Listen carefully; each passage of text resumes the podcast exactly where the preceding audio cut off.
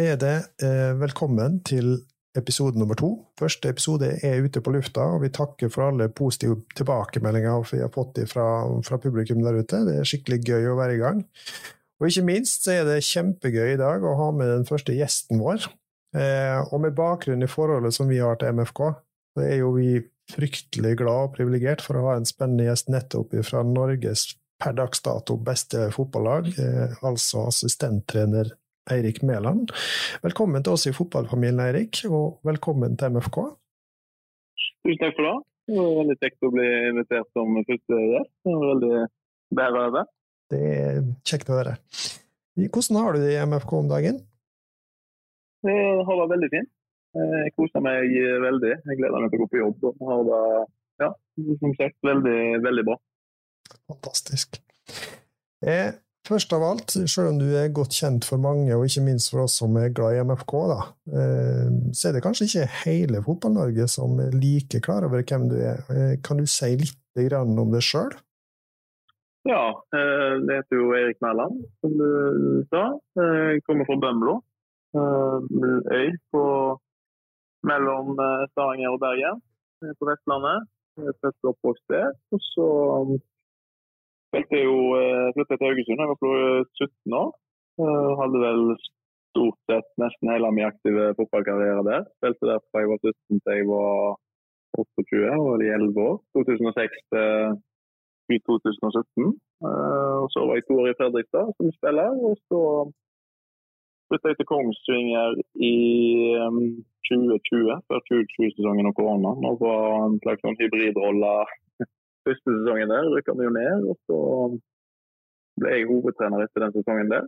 Og var to år um, som hovedtrener i Kongsvinger. Så nå er jeg her i Molde som assistenttrener til Erling.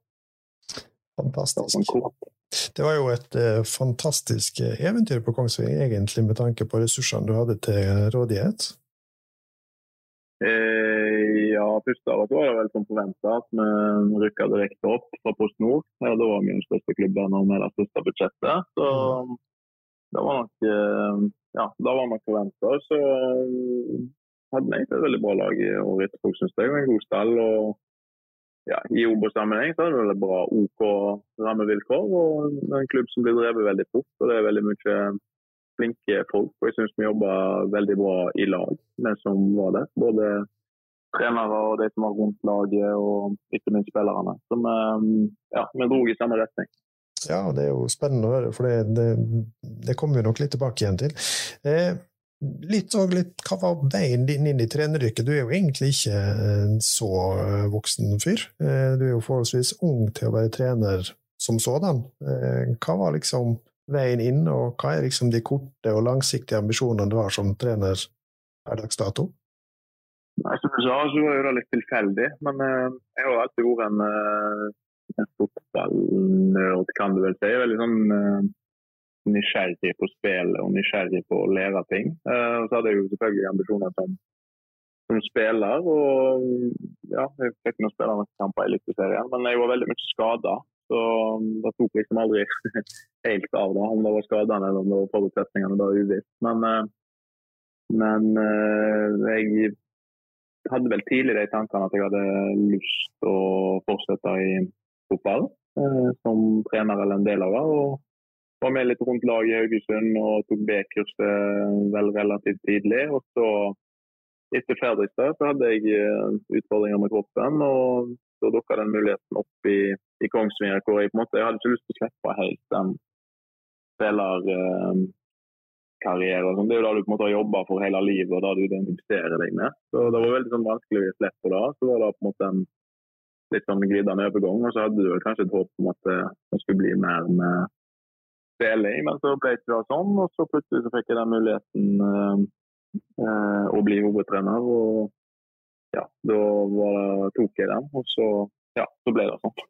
Så er det sånn, hvis jeg forstår riktig, at du egentlig fra nokså tidlig i karrieren din så har du sett for deg å eh, bli noe innenfor trenervirket, da, eller forstår jeg riktig da, eller?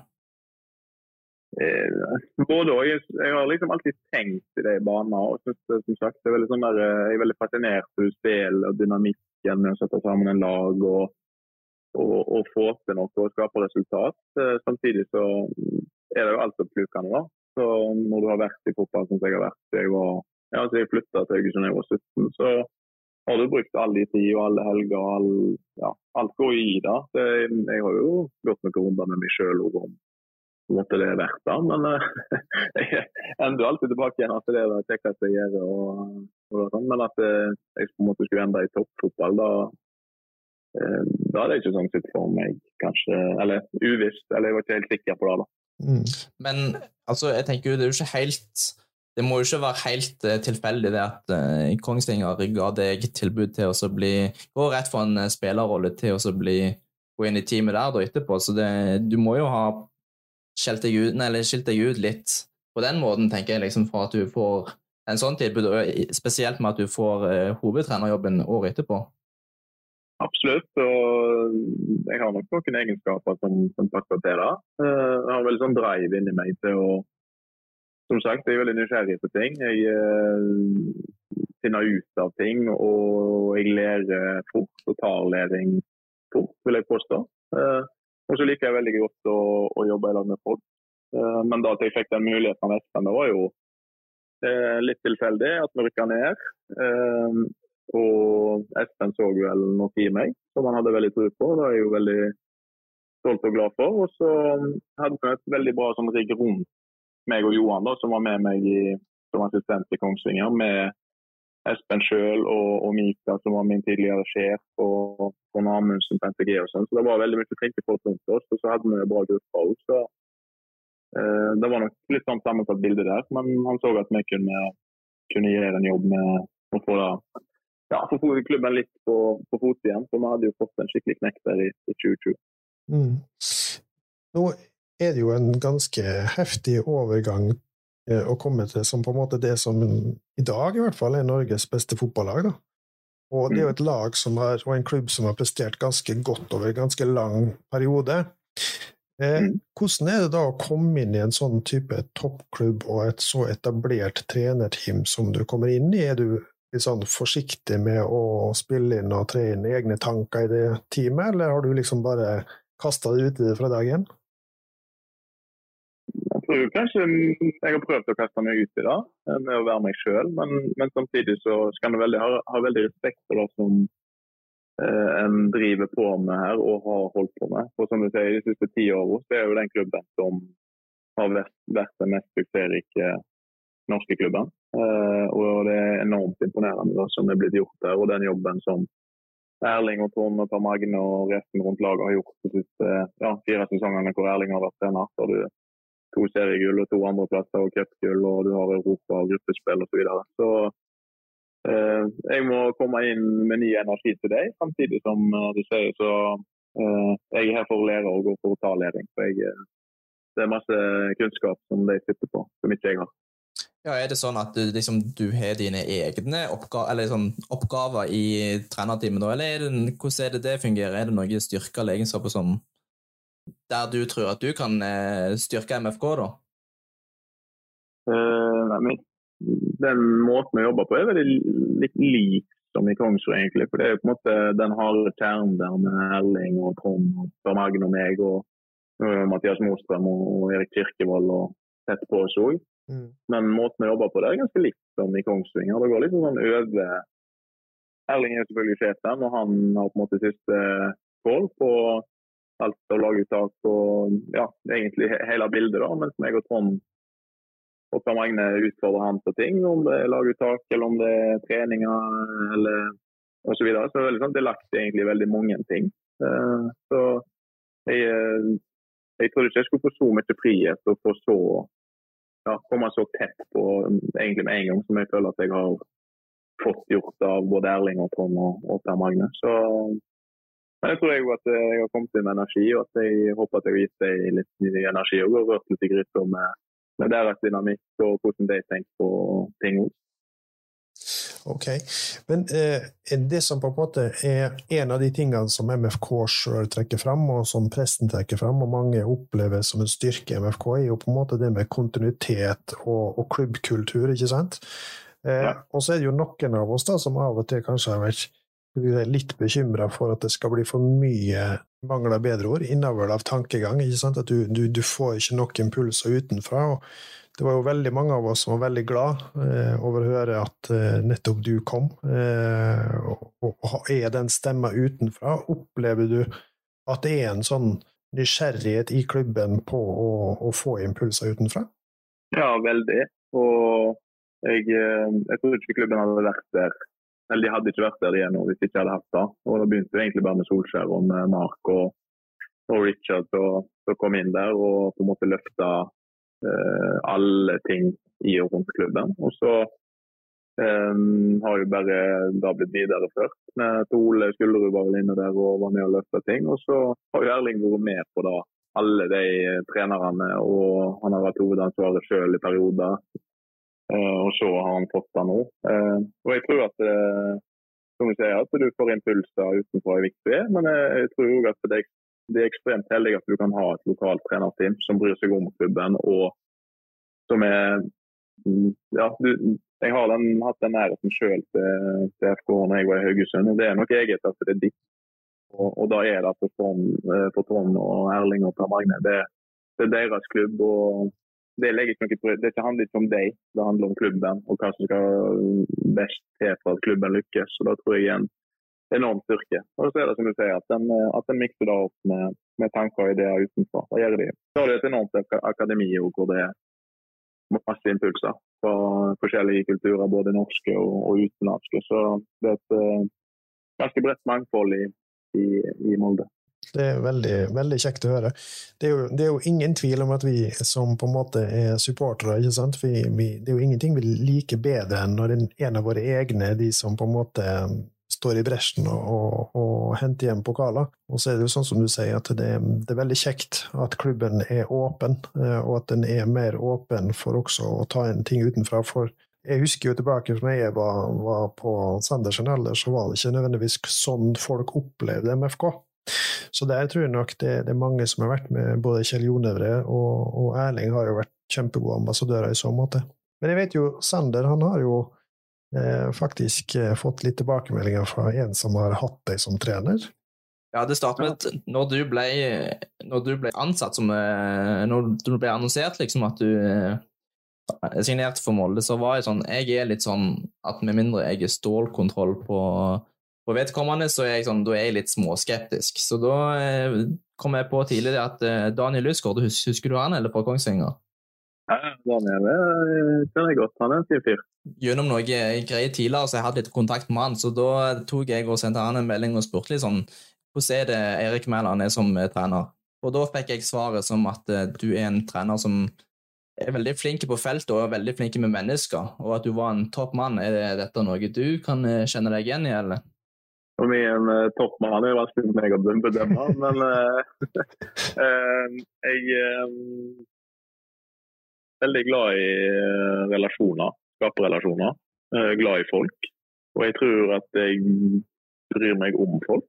At jeg har en egenskap der, og at jeg på en måte har lyst til at de rundt meg og at vi skal lykkes i lag. Så da opplevde jeg veldig i Kongsvinger at vi, vi fikk en felles forståelse om at vi hadde lyst til å lykkes i lag, og at vi brydde oss om hverandre. Og det, det, tror jeg har noen egenskaper som er, som er bra. Og så på feltet har jeg jo Det var jo ikke enkelt i starten i Kongsvinger å komme utpå der, og du skal være sjefen til noen som du har vært lagkamerater med, og som er eldre enn deg. og ja, Du hadde ikke så mye tanker som spiller så er det på en måte du har noen tanker om spillet, men du har ikke systematisert og tenkt på hvordan du skal overføre det til andre.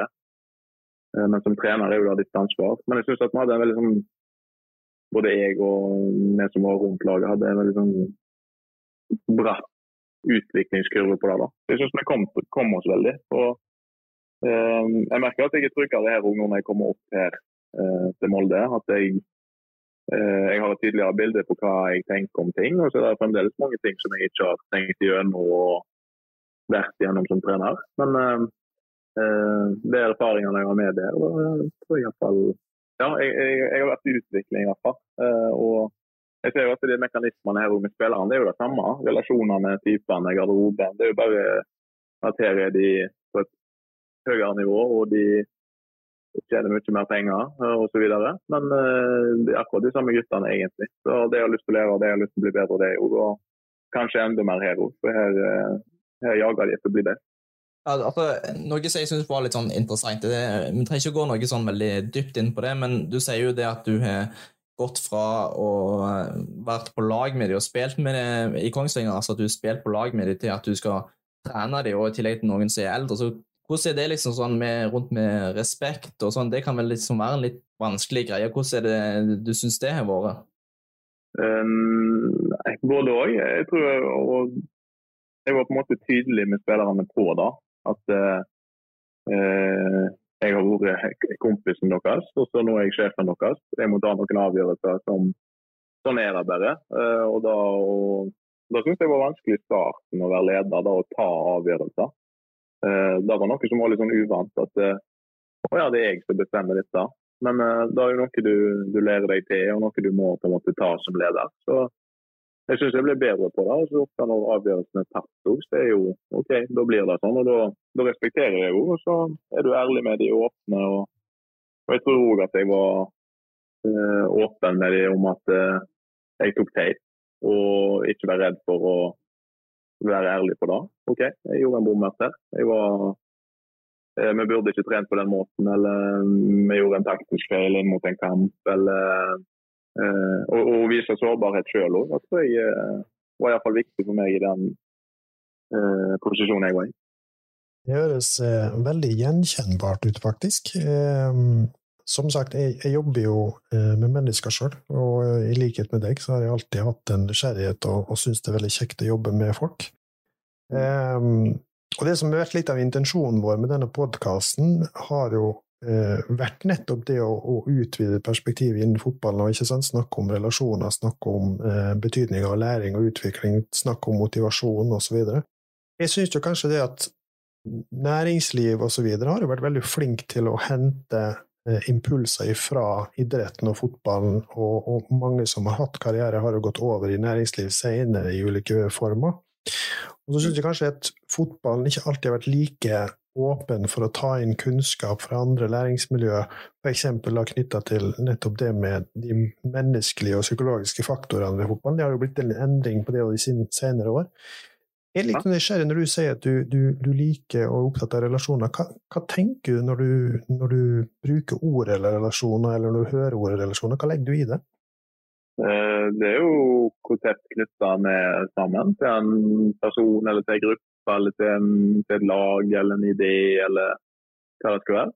Eh, så jeg tror at eh, for min del, og sånn var det jo med en gang jeg ble ansatt her, så begynte jeg å ringe rundt til spillerne. Fordi jeg er uh, nysgjerrig på dem og har lyst til å skape relasjoner med dem. Og jeg tror at for å få til noe, så må du ha relasjoner.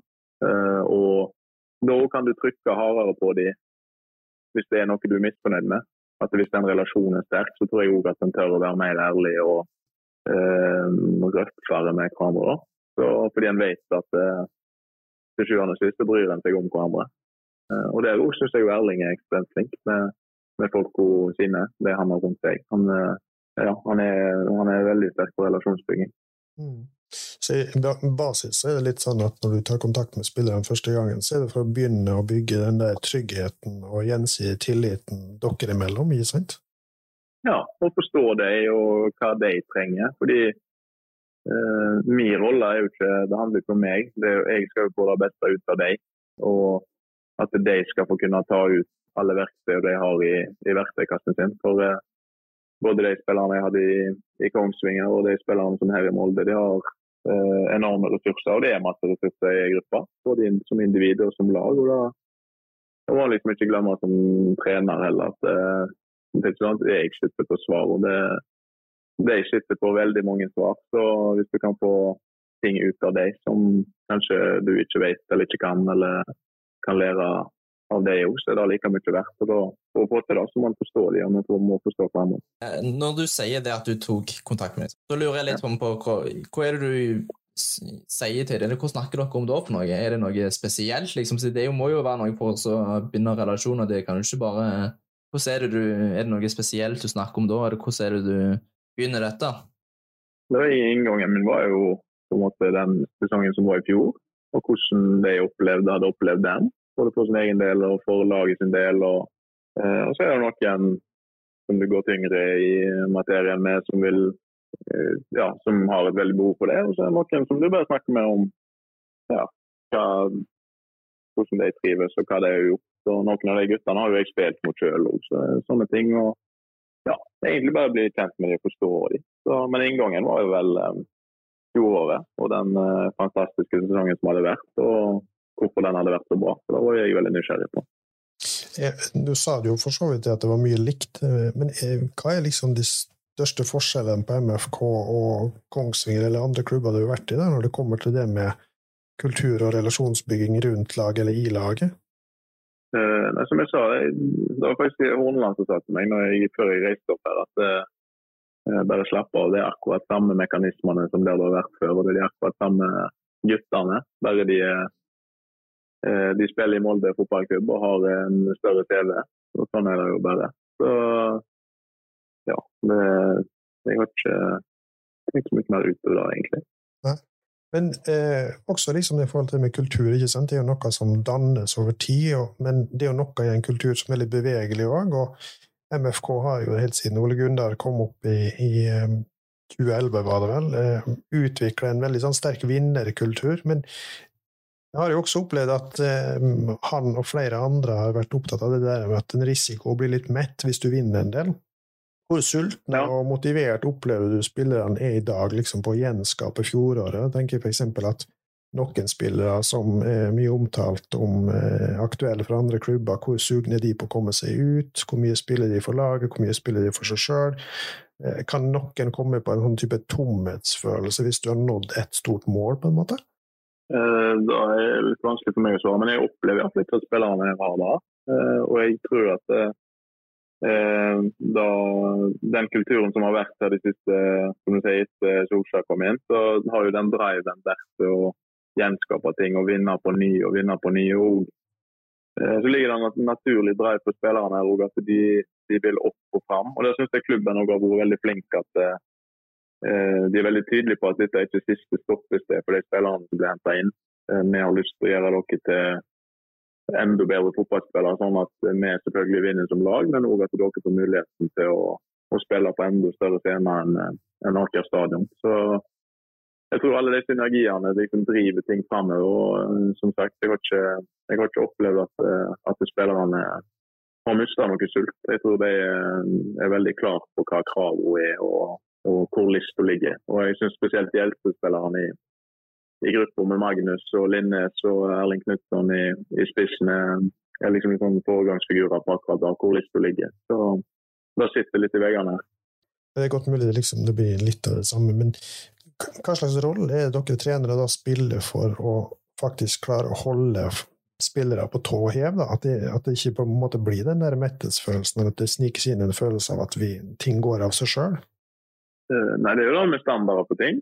Det var jo Erling første møte han hadde med spillerne i, i Spania, var jo at uh, kravet her i Molde og, Eller jeg, han la egentlig på spillerne han spurte det. Hva er, hva er målet deres for sesongen? Og Da var jo tydelig at de, de vil gjenskape fjoråret. og De er en Champions League-kvalik og de har lyst til å gjøre det best mulig. Og da, OK, det er lett å sitte her og si dette, men da vet dere hva som kreves. Og hvor dere legger lista, og da, da må de oppfylle det. Og da opplever jeg absolutt at de gjør det litt sånn forlengelsen av det, fordi motivasjon, som jeg har blitt mer og mer opptatt av i senere år, da, det, det, er jo en grunnpilar for alle sånne type utviklingsmiljøer som du beskriver. Mm. Eh, og den må jo ligge i alle klubbens ledd og, og på alle nivå. Eh, har du noen tanker, fordi nå, du, nå er du en ung trener, du har nettopp vært spiller sjøl, og du har liksom si, nesten en fot i begge leirer. Opplever du at det er en annen type motivasjon, altså sånn indre-ytre motivasjon, i dag eh, enn da du sjøl spilte som yngre? Altså Da tenker jeg spesielt på unge spillere, unge talenter, gjerne. Uh, nei, da opplever jeg ikke. Jeg tror at for å bli veldig veldig god, så må du ha en Selvfølgelig er det ytre motivasjoner, det kan være penger, det kan være prestisje, det kan være å bli sitte i media og sånn. Det ligger jo på en måte som en del av å være eh, fotballspiller på toppnivå. Sånn er det jo. Mm. Eh, men eh, for å bli veldig veldig god, så tror jeg du må være ekstremt dedikert og ha en ekstrem drive som driver deg. Uh, og at du er på jobb hver eneste dag.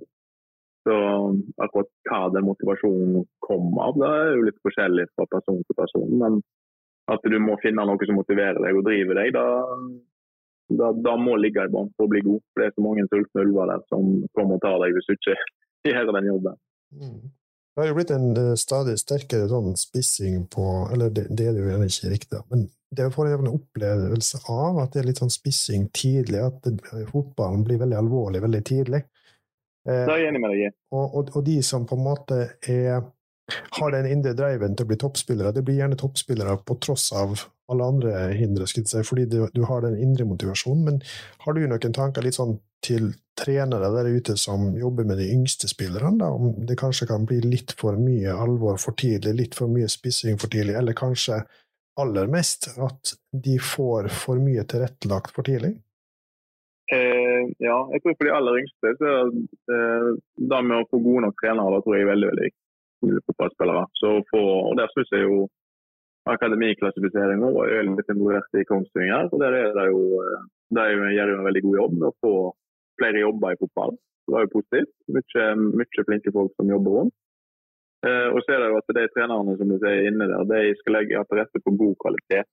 Og da det skal ikke handle om de trenerne, men det skal handle om spillerne og hvordan de kan få spilt masse fotball. Hvis du er en time på eh, fotballtrening, så skal du ha spilt masse fotball som åtte, ni, tiåring. Du skal ikke eh, stå i formasjon, eller du skal ikke Du kan legge inn ting som du på en måte de får øve på, selvfølgelig, men jeg mener at det bør være i en spillaktivitet. Mm. Eh, og så er jo utfordringen, som du sier, når du kommer i akademi, da. Du ser jo uh, de guttene som er i Molde Eh, akademia nå. Det er jo utrolig proft. Og de er på Aker stadion, og de har eh, fysiske trenere, og de har alle de tingene der. Og da tror jeg egentlig det er positivt. Eh, samtidig så er det jo noe som du ser at du det er litt kjedelig hvis du er mett som 18-åring fordi du har vært i hele Europa og spilt kamper og, mm. og, gjort alle de tingene der. Samtidig så da har du kanskje ikke den driven heller, da, hvis, du, hvis du blir mett. Da. Så jeg tror sånn Generelt så tror jeg det er positivt at det, ting blir løfta, ting blir bedre, og treneren blir bedre og opplegget blir bedre. Eh, så er det selvfølgelig da å, å klare å jakte at du, du kommer deg opp på et A-lag. Mm. Men hvor tidlig liksom, tenker du at det er viktig at man har gode nok trenere? Så jeg har faktisk sett det nå ganske nylig at det er folk i ja, tidlig barneskole at det liksom har får proffe trenere. og da, da, eh, at de ungene de får veldig sånn forsprang, da. Men jeg vet ikke, det, tenker du det blir for tidlig, eller tror du det at, um, at, det er greit, liksom? Nei, jeg tenker egentlig at det er greit, så lenge det er folk som er der, at den aktiviteten er god, at vi legger til rette for det. Men uh, samtidig så tenker jeg at den norske modellen med at det f.eks. skal være gratis å spille fotball, det er veldig viktig. Uh, du ser jo det enorme forskjellene som har vært kanskje mest i Oslo-fotball nå, på øst og vest del. At Bor du på vestkanten, så får du masse proffe privattrenere. Mens det på østkanten får kanskje være med pga. økonomi. Det syns jeg jo ikke noe om. Men sånn i en ideell verden hvor ting er, det er like muligheter, alle har muligheten til å være med og spille fotball, så syns jeg jo at det Jeg tror sjøl at jeg hadde vært en bedre fotballspiller hvis jeg hadde um, hatt en bedre trener før jeg var sju år gammel. Ikke til forkleinelse for min far, som gjorde så godt han kunne, men han kunne jo egentlig ingenting. Mm. Så Da ville jo selvfølgelig aktiviteten og det vi gjorde, ville jo vært bedre i den perioden da. Det tror jeg absolutt. Mm. Men uh, igjen, aktiviteten de gjør, uh, det må være kjekt. Uh, de, må, de, må, konkurrere, de må ha masse spillaktivitet. Det tror jeg er det viktigste. Mm. Ja, jeg er 100 enig med deg. Du kan jo bare tenke deg hvordan det skulle vært hvis den norske skolen Eller nå blir det kanskje sånn hvis lærerne slutter, men, men du kan jo tenke hvis alle lærere forsvant og vi skulle erstatte dem med foreldrelærere. Jeg tror at ganske ja. mange hadde reagert på det. Det er jo det samme, for det handler jo i stor grad om tilrettelegging for læring og utvikling. Så... Ja, og pedagogikk og det er det med skolen. at Fotballag er jo eh, Alle trenger ikke bli fotballspillere, men det er jo et sosialt samspill som du lærer utrolig mye av. Da å mm. være i, i et lag og en garderobe. Og igjen da, da med relasjoner, forstå folk og agere på ulike situasjoner og ulike måter å være på. og sånne ting. Det er, det er jo en stor del av det. Mm, absolutt. Det bringer meg egentlig litt sånn videre på, på neste spørsmål. fordi noe av det som jeg har blitt eh, mer og mer opptatt av de senere årene, litt sånn mer i en bredere samfunnskontekst, det handler jo mer om mye unge mennesker som kanskje ikke får den samme sosialiseringen som eh, tidligere generasjoner har fått, fordi at eh, noe kan handle om digitale eh, plattformer osv. Men det er jo også noe med samfunnsstrukturer generelt som endrer seg. Mm. Og så tenker jeg litt sånn i forhold til det du sier med gode nok trenere. Nå har jeg hørt en del av de gjestene som Fotballhodet har hatt, som har snakka mye om det der med at trenerkoordinatorer og trenere kanskje i større grad òg må ha med seg det perspektivet som handler om de menneskelige sidene ved de de skal jobbe med, og, og det strekker jo seg fra toppfotballen og ned til eh, de yngste spillerne, ikke sant? Jeg opplever jo at du egentlig sier at du er opptatt av de sidene, eh, og at det er noe du som anser som noe av dine styrker, at du, du klarer på en måte å fange opp litt menneske òg, stemmer det? Ja, jeg tror eh, eh, ja, det jeg tror på er som du sier, at du må hvis du bryr deg, så må folk ha det bra som et utgangspunkt. Og så er jo den, iallfall det som vi holder på med toppfotball, er jo så brutal at eh, leverer du ikke her, så ryker du på et eller annet tidspunkt. Sånn er det jo. Det er jo en del av det. Det er jo derfor det er kjekt. Men eh, da å gå på trening hver dag og konkurrere og teste seg, det er jo kjekt uansett. Jeg kjenner jo på det når jeg går på ei fotballtrening med om det er på Kongsvinger med noen oldboys eller om det er noen kompiser hjemme i jula. Så så er du der for å konkurrere. Eh, og, og, den leken. Og, og det må ligge i banen uavhengig om du spiller i, i sjette divisjon eller om du spiller her i eh, toppen av norsk fotball, som her i Molde. Og, og, her er det jo, Jeg tror jo spillerne vil se at de syns det er kjekt å gå på trening, og at treningene er kjekke, samtidig som de lærer nok. Og, og de konkurrerer. De konkurrerer hver dag. Det er viktig. Men altså, når, sånn, når vi er litt inne på det altså, Jeg syns av og til at eh, Eller jeg sjøl som er trener på et gutter 13-lag, jeg merker jo det av og til at eh, det er noen spillere som, er, som har en tendens til å skikkelig dårlige perioder, og, sånn, og da er det sånn Jeg har veldig lyst å prøve å, å være en de stoler på, og en de kan snakke ut ting med, og sånn, men noen så syns liksom det er veldig vanskelig å komme inn på, så jeg føler ikke helt for eh, en løsning på problemet? Da? Er det sånn, føler du av og til at det er noen du sliter å komme inn på, eller føler du egentlig at du kommer til å å komme inn på de fleste, liksom? Eller hvordan har det vært med dine erfaringer? Nei, det er jo ulikt. Det er jo noen du klaffer veldig bra med og treffer veldig godt. Og så er det jo alltid noen som eh, da vil jeg være her i Molde i dag og i Kongsvinger som, ser at, som ikke har så sansen for meg, eller som føler at eh, jeg treffer deg. Sånn, sånn vil det alltid være. så Det er umulig å treffe eh, 25 stykker. Men igjen da ser jeg ofte å ha et åpent sinn og at ting, ting, er jo i bevegelse. Så da vil jo alltid endre seg. Jeg var nok veldig sånn bastant før at eh, ja, han er sånn og han er sånn. Og vi er jo litt sånn som personer kanskje, at vi tenker at eh, en oppfatter folk på en bestemt måte, da, så ser de kanskje det på en helt annen, annen måte på sitt perspektiv. og da ja, ha åpenhet på det. da. Så kan plutselig da bildet snu seg helt, og så kommer du inn på folk etter en stund. da. Det tar jo lengre tid med enkel, enkelte. Sånn er det bare.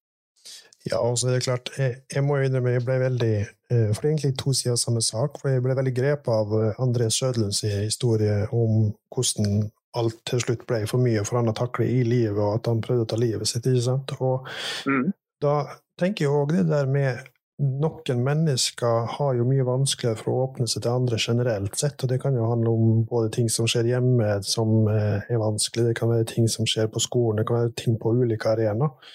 Eh, og spesielt gutter, kanskje, er, er jo kanskje ikke like åpne som jenter heller. Eh, hvordan tenker du en kan skape en slags garderobekultur eller klubbkultur, da, hvor det er rom for å snakke med hverandre og med treneren hvis du har behov for det? Har du noen erfaring av det? Ja, det var nok kanskje en av de fineste tingene, eller jeg vet ikke hvordan jeg skal veldig sette ord på det. Men ja, fineste er kanskje et, et, godt ord. Men det var en spiller i um, Kongsvinger som kom um, en privat ting. Jeg skal ikke gå inn på hva, men han sa det til meg. Han ville bare at jeg skulle vite det. At han hadde det litt tøft. Jeg, han, fikk, han ga meg beskjed om at jeg skulle si det til noen, verken i trenerapparat eller eh, til spillerne. Men han ville bare at jeg skulle vite det. Og Det var jo noe som betydde veldig mye for meg, at han viste meg den tilliten. Og det var rom for han til å, til å komme til meg med de tingene. Han visste at han kunne stole på meg. Så igjen, det er jo om å bli kjent med folk og, og, og skape tillit og skape relasjoner.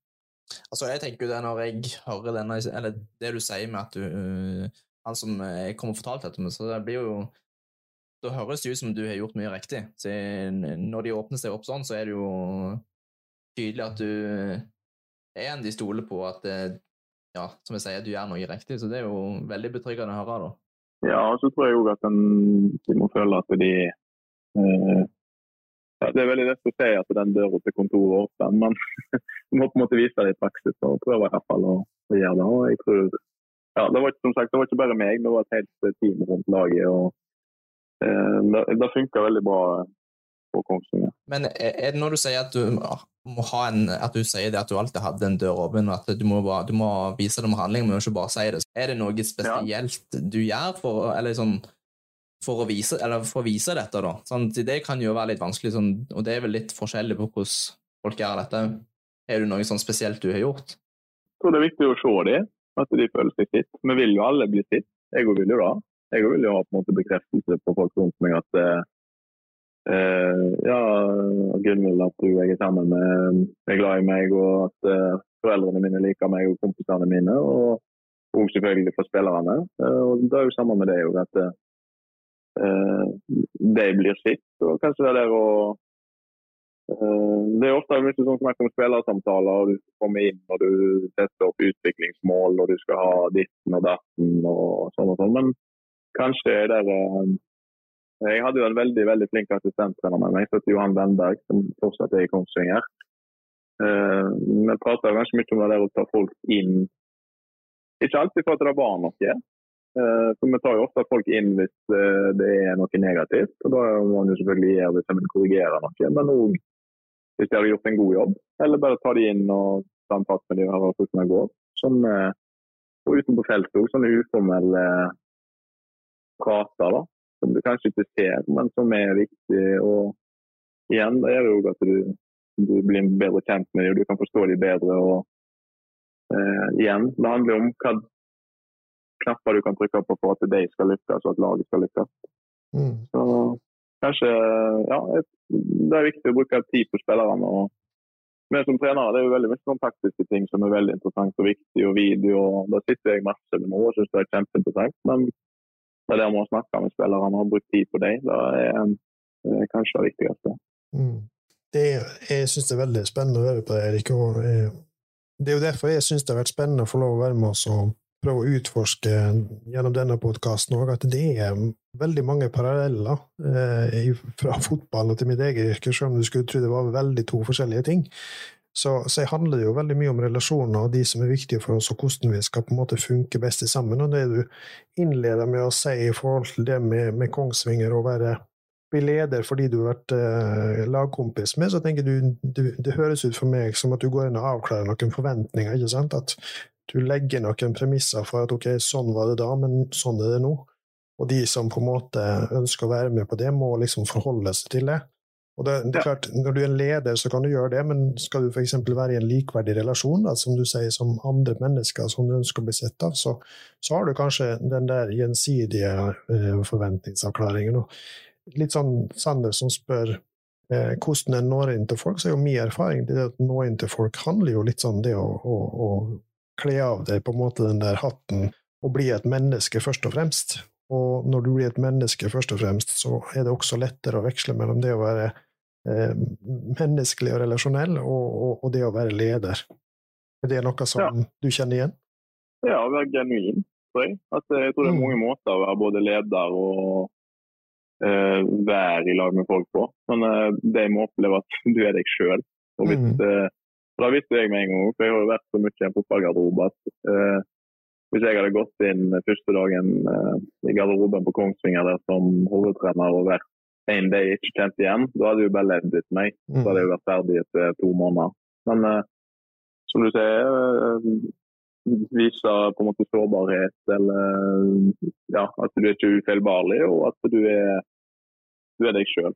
Mm. Og så får det være Hvis ikke det er godt nok, så OK. Da er det, eh, da er det ikke godt nok. Og jeg jo veldig sånn der, Det har nok kanskje litt med at du har vært spiller sjøl òg, så du kjenner jo på en måte mekanismene. Så Det er jo sånn jeg kommer opp til Molde. at uh, OK, jeg, jeg skal gjøre mitt beste. Jeg skal jobbe beinhardt for at vi skal lykkes i lag. og at spillerne skal bli bedre, og at Erling skal bli bedre, og at Trond skal bli bedre, og at Magne skal bli bedre. Eh, og at vi skal bli bedre i lag. Og så, ja, Hvis ikke det funker, da, så nei, da jeg har i hvert fall eh, gjort mitt beste. Og så får det bli som det blir. Det er veldig sånn avslappa forhold til det å, å mislykkes, i hvert fall. Det er jeg ikke redd for i det hele tatt. Da tror jeg, eh, ja, Iallfall for meg så er det litt sånn befriende. Du virker på meg som en veldig sånn trygg type. Ja, veldig, ja, jeg er nok veldig trygg på meg sjøl. Jeg uh, tipper du, Hvis du hadde spurt deg som kjenner meg, så er jeg litt sånn ja. Jeg har ikke... Men igjen, du blir litt sånn herda. Jeg har jo vært i lag med flinke folk. Uh, som Karl Oskar Emberland og Erik Horneland, annet. Spesielt Karl Oskar, kanskje, har jeg jo diskutert masse med litt. Og da med fokus og da og Hva kan du gjøre noe med? Jeg kan jo ikke gjøre noe med at folk tenker stygge ting om meg, eller at de tenker jeg er en tulling eller hva det skal være. Jeg jeg ikke gjort noe med. Men jeg, eh, jeg, kan som sagt eh, utvikle meg og bli bedre, og sånn, så får det bli som det blir. Mm. Ja, og så er det jo liksom det er mange som tenker at uh, det å være trygg på seg sjøl og utvise et sånn type mot i lederskapet, at det, det er jo ikke noe motsetningsforhold i forhold til å være sårbar og kjenne på den sårbarhet. Tvert imot, de er jo avhengig av hverandre, tenker jeg.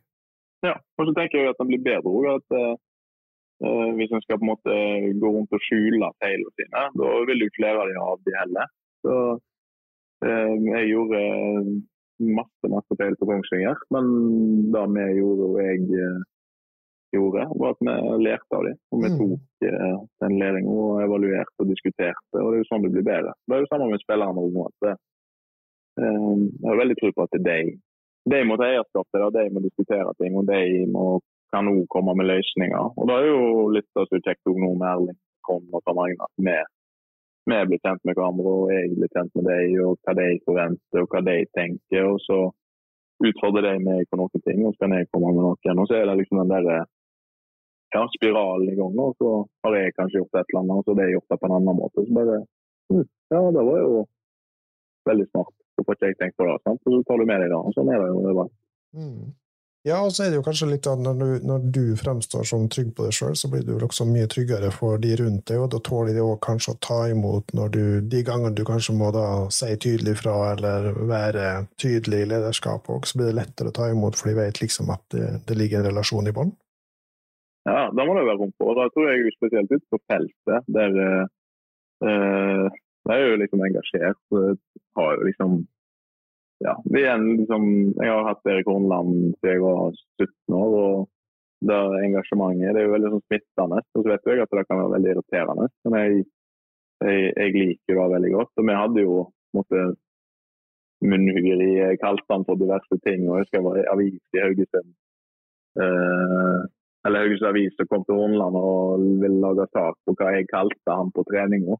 Uh, men da var det jo takhøyde for. Og da er det jo noe, jeg tror det er noen av spillerne her som er litt sånn der sjokkert over uh, ja, enkelte ting som blir sagt og blir gjort med både dømming og det ene og det andre. Og, uh, ja, litt sånne episoder. Men igjen, vi konkurrerer, og det må være litt temperatur på trening. og Det kan kalle meg for uh, dumme ting, og så kan jeg si litt dumme ting tilbake. Og når vi går inn, så er, da, er vi ferdig med det. Da må det være rom til. Det høres ut som en sunn tilbakemeldingskultur. Vi skal, skal, ikke holde deg eh, hele kvelden. Eh, eh, du har hatt en lang arbeidsdag. Men litt sånn for å begynne å gå inn på en slags landing. Det er jo mye press på trenere og trenerapparat og spillere i, i toppfotballen, det har du vært inne på. og jeg har lyst til å på en måte si at vi to som sitter her, vi har jo et litt sånn spesielt forhold til Erling Moe. Erling skal ha sin store del for at Sander faktisk er så engasjert i fotballen som han er. Eh, I 2009 så var vi oppe i jazzfestivalen og så jazzkamp hvor Mambi Ram eh, skåra fire mål på tolv minutter. Ja. Eh, Papp han, han skåra vel i siste, tror jeg. Dagen etterpå så hang vi jo nede på Aker og, og satt jo i kafeen og, og, så mens de spiste lunsj. og Da tok Erling Sander med som seksåring. ned i garderoben og fikk hilse på alle spillerne. Så du kan si sånn, det var et uh, stort øyeblikk for en liten gutt, det var nesten litt sånn stort øyeblikk for uh, faren òg. Men, Ja. uh, men derifra så, så har det på en måte det toget rulla. Så det er liksom de små tingene som en klubb kan by på, da. Eh, det lille ekstra som jeg opplever Molde egentlig er veldig flinke til eh, nå. At den åpner så mye mer for enn eh, i mange tidligere tider. Ja, Eh. men der tror jeg òg en av styrkene, eller som vi snakker om styrkene til Erling, da å se folk. Og at han tar med seg Sander der. Han ser jo Sander og viser ham og alt det greiene der. Så det er ikke tilfeldig at Erling gjør det. Det er bare sånn han er. Mm. Jeg, jeg er mye sånn Når jeg er på ferie og sånn i Molde, så er det sånn hver som, Sånn som i fjor sommer, så var jeg og så to, tre, fire A-lagstreninger. Da er det sånn Erling han tok seg alltid tid til å snakke med meg etter trening. Han Trond han kom faktisk opp på tribunen og snakket med meg i, i 10-15 minutter. Så det, det Vi setter veldig stor pris på det, selv om det, det er jo ganske lite som skal eh, Lite for deg, men det blir jo ganske mye for oss supportere. Så det, åpenheten den setter vi veldig stor pris på. Og igjen, sånn så jeg er jo veldig sånn veldig opptatt av norsk fotball, og jeg er veldig begeistra av det, men sånn der er jo det man ikke får i engelsk fotball, for eksempel. At, man, at det er så kort vei liksom til, til å snakke med treneren. Mm, enig. Men det er jo bare måten de har tatt imot meg på, da. Som de er ja, serie- og cupmester fra i fjor. og Gruppespill i Europa osv. Og, så videre, og så kom en uh, jypling i Obos-ligaen. Så ikke har noe å slå i bordet med. Men uh, måten de har tatt meg mot og inkludert meg og ja, uh, gitt meg tillit og frihet og til å tenke tanker og ja, flere av dem har vært helt suverent. Og det sier veldig mye om dem som, som folk. Ja, det også la jeg jo merke til, fordi at Erling har jo alltid hatt et veldig sånn smittende humør og glimt i øyet, og kommentarene sitt løst, og så gikk det jo litt sånn uh, han la, han la jo lista når han tok gull første året i 2019, ikke sant? Eh, Mm. Og så kom det jo disse to enorme årene til Bodø-Glimt som kanskje tok alle litt på senga. og jeg la jo merke til på en måte at når det blir litt kritikk fra, fra supporterhold og osv. i forhold til at en kanskje opplever at ting stopper litt opp, så merker jeg jo på en måte det at de gjør noe med, med trenerne òg. Hvor mye liksom, betyr den støtten innad i trenerteamet når på en måte da ganske krasse omgivelser kan være ganske nådeløse til tider, på tross av resultater? Jo, det tror jeg absolutt er viktig at en har hverandre på lag. Så Samtidig så er jo eh, det er jo ekstremt følelsesbasert det vi holder på med. Mm. Eh, både fra eh, supportere sitt ståsted, men òg internt i både i ei spillergruppe og i et trenerapparat. Altså, når du taper en fotballkamp, så er det ingenting som er verre enn det. Mm. Og det er utrolig lett å bli dratt ned av de følelsene. Og spesielt i en klubb som Molde, hvor det forventer at du vinner hver eneste helg, så vil jo de mekanismene være, være enda større. Så øh, den på en måte intern, eller hvor bra han har det der, eller hvor tett den er der, den er viktig. Samtidig så er det jo hvis en taper kamper så er det noe som ikke er godt nok. Eh, og da må en jo tørre å se på hverandre og, og utfordre hverandre hva de holder på med her nå. Så jeg er litt sånn spent på når da hun kommer. For nå er jo på en måte preseason, og du tenker jo at ting er bra og alle er happy og vi trener. og spillerne, Laguttaket er ikke så viktig sant? for de fleste får spille osv. Men uh, når vi begynner nå, og uh, når en kommer inn i tøffe perioder, hvordan håndterer vi det? Det er jeg selvfølgelig veldig spent. Men uh, igjen, den ballasten Erling og Trond og Per Magne nå har etter hvert, den, er, den tror jeg er veldig viktig. og Det har vært gjennom det før å skjønne OK, nå tapte vi denne helga, men uh, vi må vinne i neste helg. Sånn er det. Hva gjør Eirik Mæland når han møter motgang eller taper en kamp? Uh, jeg synes det var ekstremt tøft i starten. og Nå tapte ikke så veldig mye kamper det første året. Men uh, uh, da kunne jeg bli veldig negativ. Da tror jeg nok, hvis du spør spillerne på Kongsvinger òg, at uh, jeg nå sliter slite med å riste meg av det tapet. Brukte nok kanskje litt for mange dager på det òg. det blir litt sånn svært. Uh, og veldig går enda mer inn i ting, og kanskje får en enda mer brei òg.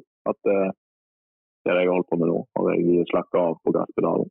Uh, litt sånn, men eh, det er mørkt. Mm.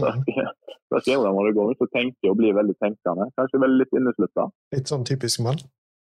Eh, ja, det kan være. Å gå og tenke og søke. Og så kan jeg være veldig eh, Iallfall med meg sjøl at det er ofte er min egofeil, hvis du skjønner. Mm. At jeg ikke forberedte spillerne godt nok, eller jeg gjorde ikke en god nok jobb i, i forkant. Så, eh, men jeg må bli flinkere å bli ferdig med ting, og der merker jeg eh, på erfaring til, til Erling og co. at eh, eh, som fotballtrener og fotballspiller så kommer det alltid en ny kamp kjapt. Og hvis du bruker for lang tid på det som har vært, så er både i en kamp og etter en kamp, så, da kan det bli tungt. Så en må, en må gå videre og bli ferdig med ting, og så finne ut hva en må fikse på, så kjøre på videre.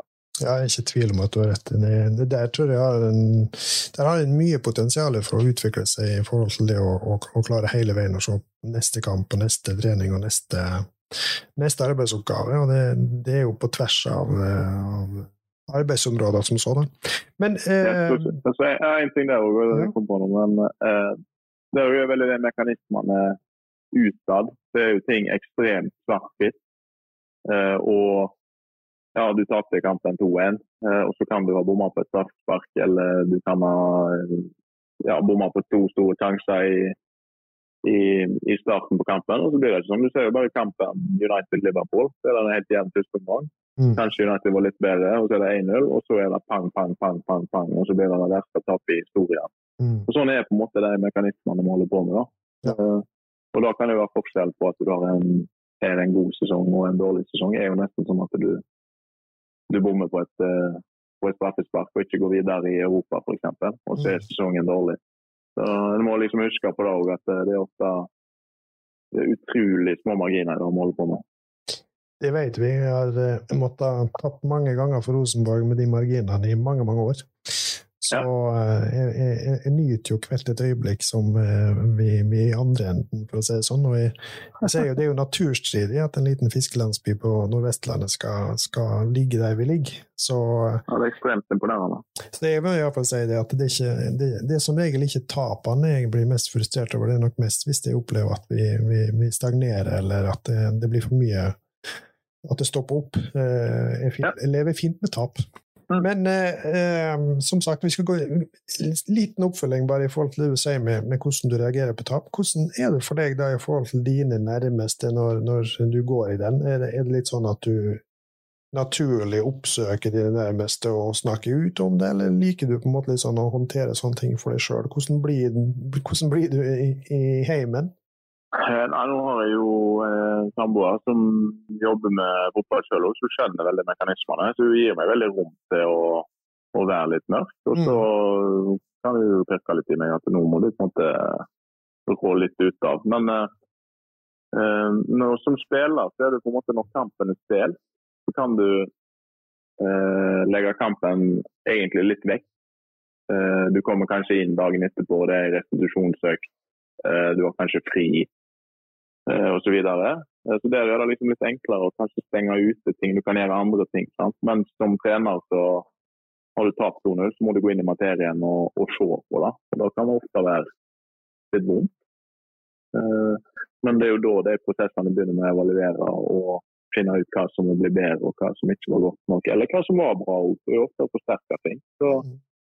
Så Det er jo da egentlig den jobben begynner når du går inn i en sånn tankespinn. Så For meg som trener så synes jeg egentlig at det, eh, det er dagene opp mot kampen er ofte litt sånn Det er ikke så mye tankevirksomhet da, for da har du på en måte du har gjort en jobb, du har, en har tatt avgjørelser på ting, en har diskutert seg gjennom hva en ønsker å diskutere seg gjennom. Og da, da på en måte kommer jo kampen, og så får du ikke gjort så mye mer. Nå er på en måte spillerne vi har gjort det vi tenker best, og så blir det opp til spillerne på, på, på kampdagen. Og så er det igjen den runddansen med ny runde, evaluering, analyse osv. Og, og så spinner du på, og så er det ny treningsuke, og sånn går det hjulet hele tiden. Ja, det er en sånn never ending story. Ja, det er egentlig det. Ok, men et par korte til slutt som bare handler om eh, årets uh, sesong. da. Vi må jo bare spørre. Hvordan ser det ut nå når vi nærmer oss uh, ny cuprunde og seriestart? og Hva er det som er målene for MFK i år? Nei, MFK skal jo være med og kjempe på alle fronter som man er med i. Så det betyr jo gjenskape eh, seriegull og cupgull. Og så er det jo i en europakvalik CL, som hadde jo vært fantastisk å få til. Som er selvfølgelig veldig veldig vanskelig. Men eh, eh ambisjonene er jo å, å, komme så langt som mulig der, selvfølgelig. Og Det er jo derfor jeg er her, for du får være med og kjempe på, på alle fronter. Jeg har ikke vært i en, i en klubb som har kjempa sånn som uh, mulighetene er her, og det er veldig veldig tryggende. Er det sånn at eh, skadesituasjonen og, og, den type ting ser mer eh, lovende ut og lyser ut nå, eller det var jo et mareritt i hele fjor?